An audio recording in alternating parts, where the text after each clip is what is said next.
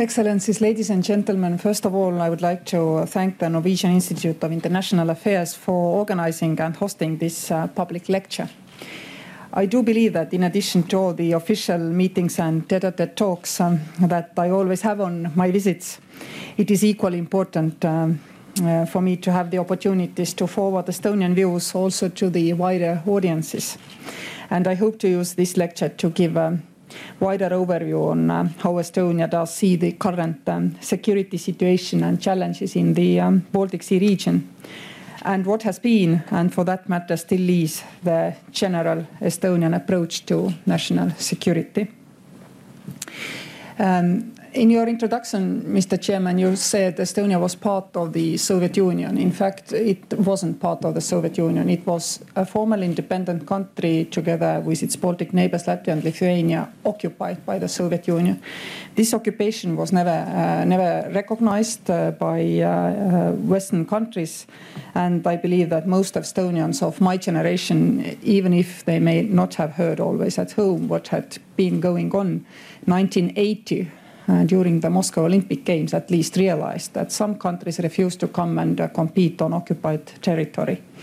And uh, this was very important for us, this support, which was kept up for tens of years the conceptual choices that Estonia made in the early 90s in uh, establishing the main principles of Estonian security policy actually are largely a reflection of uh, this, this disaster that uh, struck Estonia during the Second World War, the occupation. Unlike Finland or Norway, who in 1939 and 40 decided to step up against foreign aggression the Estonian leadership uh, decided to capitulate without a fight to the Soviet Union. There were many reasons why this happened in Estonia and also in Latvia and Lithuania, but one of the main reasons was uh, that Estonia found itself to be without any allies in 1939. Estonia had declared itself to be neutral, which in practice meant trying to balance on the antagonism between the Soviet Union and Germany instead of developing relations with the Western democracies. It was a policy that uh, seemed to work fairly well for some time, but ended in a disaster as soon as uh, the two dictatorships came to terms with each other in 1939. You all know the Molotov and Ribbentrop Pact. And although it was um, naively hoped by the Estonian leaders of that area that uh, giving in to the aggressor would avoid human uh, suffering and losses, the reality was quite the opposite. As a result, up to a quarter of the pre war Estonian population was either arrested, deported, executed, mobilized into the Red Army or German Wehrmacht and killed on the front lines or fled to the west. Estonia was occupied for half a century and then became regained its independence in 1991 as one of the poorest countries of Europe out of this very painful experience came two basic principles that uh, do guide Estonian understanding of our security and defense for the last uh, 26 years. First of all, never again will we give up without a fight because the consequences of a peaceful surrender are always more devastating. And second, never again can we allow ourselves to end up in a situation where we are left without allies on the most crucial moment. Those are the main reasons why neutrality was not a serious option when we regained our independence. Um, gaining membership um, to NATO and European Union was a priority for Estonia from early 90s. And indeed, we did not join European Union uh, on economic argument. Of course, uh, we, we, we saw the economic benefits, but in that campaign as well, the prevailing important argument was security. We want to be part of the value-based Western uh, family. And, uh, and those are the reasons also why defense issues in general, including um, higher defense spending, they have always been considered very important in modern Estonia and uh, more important than maybe in some other European countries. Countries with difficult or tragic history sometimes tend to see also current challenges in a historical perspective or context. And in the case of Estonia, we have learned the lesson of history uh, when establishing these national security principles. But I would say that our history would have um, left an excessive imprint uh, on how we see the developments um, in Russia. Would uh, to say that would be a, really an overkill. It hasn't. Uh, foreigners sometimes tend to think that uh, Estonian-Russian relationships uh, is bad because of this past. Well, well, it isn't actually, because on the contrary, when we were trying to regain independence from the Soviet Union in the uh, end of 80s uh, and beginning of 90s, then there were no bigger allies than uh, than Yeltsin Russia at that time a number of well-known Russian liberals and Democrats like Anatoly Sobchak and and and, uh, and Yeltsin, of course, they were very supportive towards Estonian endeavors, and uh, of course, uh, without the recognition of Russia. Uh, of our independence, it would have been a much more, much harder walk to walk. And it was very much hoped uh, in Estonia that this cooperation would pave the way to uh, friendly and good neighborly relations between re-independent Estonia and, and the new Russia. And this, however, did not materialize because something went wrong in, in Russia. And the whole separate discussion would be in order if we wanted to understand why Russia has developed in the way it has during the last 15 or 20 years. But uh, but currently, we see the situation about relations between the West and the Russia much differently than we hoped, definitely, when regaining independence. And we do regret it. We are not happy about uh, this state of affairs. But uh, Allah, it is not our doing, it's not the Western world's doing, it is the Russia which does not respect its own signatures on the international agreements, starting from Helsinki Final Acts and ending with Budapest Agreement guaranteeing Ukraine their security. But we would still very much want to have different relations. This is something which I find very important to stress to you as well. Their values right now they are different from what we hold hold so dear in Europe: freedom, democracy, rule of law, and uh, respect for human rights. Their understanding is different, and we are sorry about that. They have no scruples when breaking uh, the principles which we consider so important when they annexed Georgian territories in 2008 or occupy Crimea in 2014. The Kremlin has used military force against its neighboring countries, and their military doctrine foresees to use all other state assets against their perceived adversaries. And don't get me wrong, we do not believe in Estonia that the likelihood of an all out war between the Russian Federation and uh, NATO uh, exists. It's, it's non existent basically because uh, we trust 100% into NATO's capacity to deter. After all, it has a 100% track record. And NATO's uh, capacity to deter changes as the risk analysis changes. We've seen since Wales and Warsaw that uh, NATO has reacted to the uh, differences of, um, of the risk perception and therefore, we have a very secure situation in our region. We are prepared, but we are not afraid.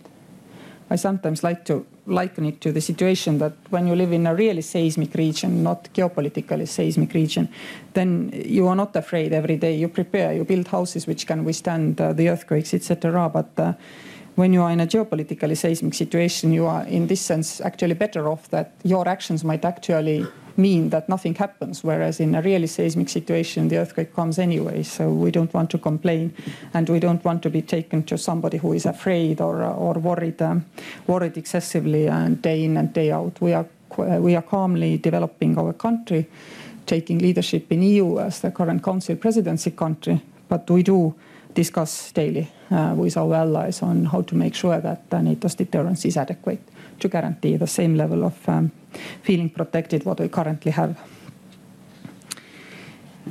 These relations, of course, what uh, what we currently have uh, have with uh, with uh, Russia, these relations are not so different between the rest of the West and, and Russia as general. We believe. And uh, we share the understanding of our partners and allies that um, as long as uh, as Russia does not recognize uh, uh, international law, uh, there cannot be going back to business as usual. No way. It's not for us to provide a way out from the current situation. There is a reason why we have taken the steps all together to uh, withstand what has happened uh, during the last uh, decade um, in our Europe, in Georgia, in Ukraine.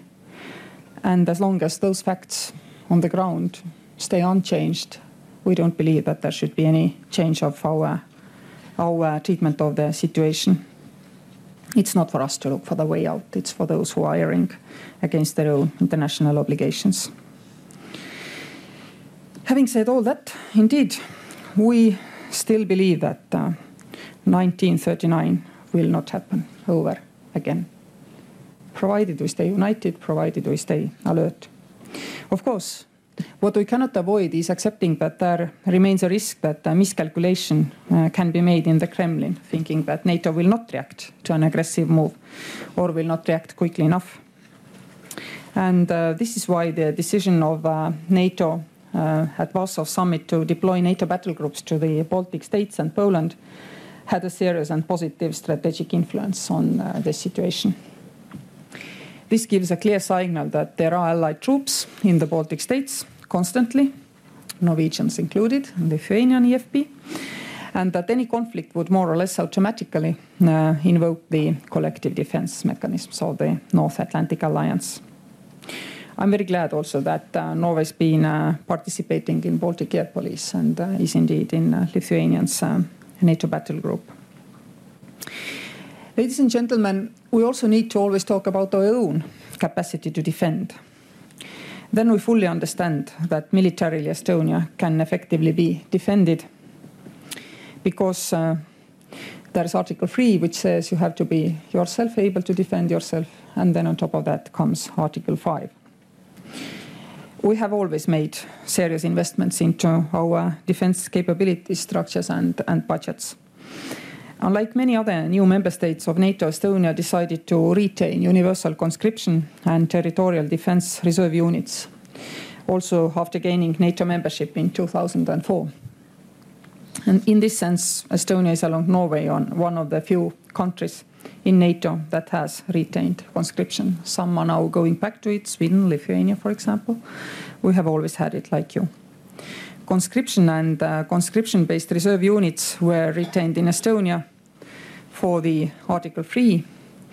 And uh, without that, we would never be able to uh, look our allies into the eye and say, yes, we are able to protect our own territory, which, by the way, is also NATO territory. So something very important to stress because quite often you hear the reasoning of NATO protecting Baltic states. NATO is not protecting Baltic states specifically, NATO is taking care of its own eastern flank. So um, we have always carried seriously this responsibility to make sure that we spend enough to be able to uh, protect this eastern flank. Since 2012, we are spending 2% of our GDP um, on defense. And uh, also, uh, there has never been a serious debate about it should we have it or should we not have it? Even we all came through an economic uh, economic crisis 2009-10. Even during that period, it was quite clear that uh, saving on defense budget is not uh, our way to go. And um, 2% benchmark is a sign to our allies that we do take defense seriously and we are not free riders, we are contributors, we are not consumers of the security, and we keep the promises and the pledges which we have made. Also, there seems to be a rule of thumb in defense planning that the sustainable and balanced defense budget um, is the one where personnel operating and investment costs are approximately one third each. And 2% of GDP seems to be the level uh, at which most Western countries are able to ensure this balance. So in a way, it's also logical to spend uh, those 2%. And finally, since 2014, obviously, we didn't want to do less to uh, invest into our own independent uh, capacity to defend. And to be able to guarantee the host nation support, we've gone above 2%. Uh, 2018, we'll be spending 2.2, right now 2.17% of the GDP So what is above 2% is host nation support for uh, NATO's allied presence uh, in Estonia and also for some uh, uh, additional uh, investment which we feel we, we need to do because you know all this debate about approaching 2% while nobody's yet really spending to get closer to 2% this is putting the market prices up. Because of course we all know defense market is an oligopolistic at best if it's not monopoly or duopoly. So also the secondary market while nobody's downsizing everybody's holding or growing means that secondary equipment is not that readily available and we rely of course very much on second-hand equipment uh, being a relatively small economy. So while we very much welcome this push to spend more in Europe and be able to defend ourselves, we also need to understand that uh, for that spending to be efficient and effective, it might be that some countries, instead of trying to fit 2% in with their own army spending might actually want to look outside to spend elsewhere in order to be able to make sure that uh, those parts of NATO territory which need protection will be actually not less protected. We don't have these examples in conventional. We have common procurement examples uh, together with Finland, for example, on radars in conventional. But Luxembourg has invested in cyber range in Estonia because we have a cyber uh, security of excellence of NATO, and uh, this needed a range and there has been a bilateral agreement that they will do spend. That is the value of the uh, future European uh, defense cooperation, structured cooperation for us, that it will probably recognize that there will be some redistributional elements in the defense spending in the future. It's not currently on the cards. Currently, we discuss common procurement and common R&D investment, but I'm quite sure that uh, it is possible to move on onwards. I've stopped for so long on the Baltic Sea region and Estonia's uh, way of safeguarding our own territory uh, by military means. But of course, uh, that doesn't mean that uh, we, we see security and defense as a purely military issue, or that we would have uh, geographical limitations towards um, our participation in security elsewhere. Like you here in Norway do, Estonia also believes that um, it is not only important to be a member in NATO, but also to be an active and contributing member. We try to punch above our weight if, uh, if necessary, and, uh, and if you think about it, we are 26 years again independent, and for 22 years already we have been on international missions, EU, NATO, United Nations, because we want to contribute, not only consume this is one of the main reasons why Estonia was one of the biggest per capita contributors to the lengthy and loss-heavy ISAF uh, mission in Afghanistan.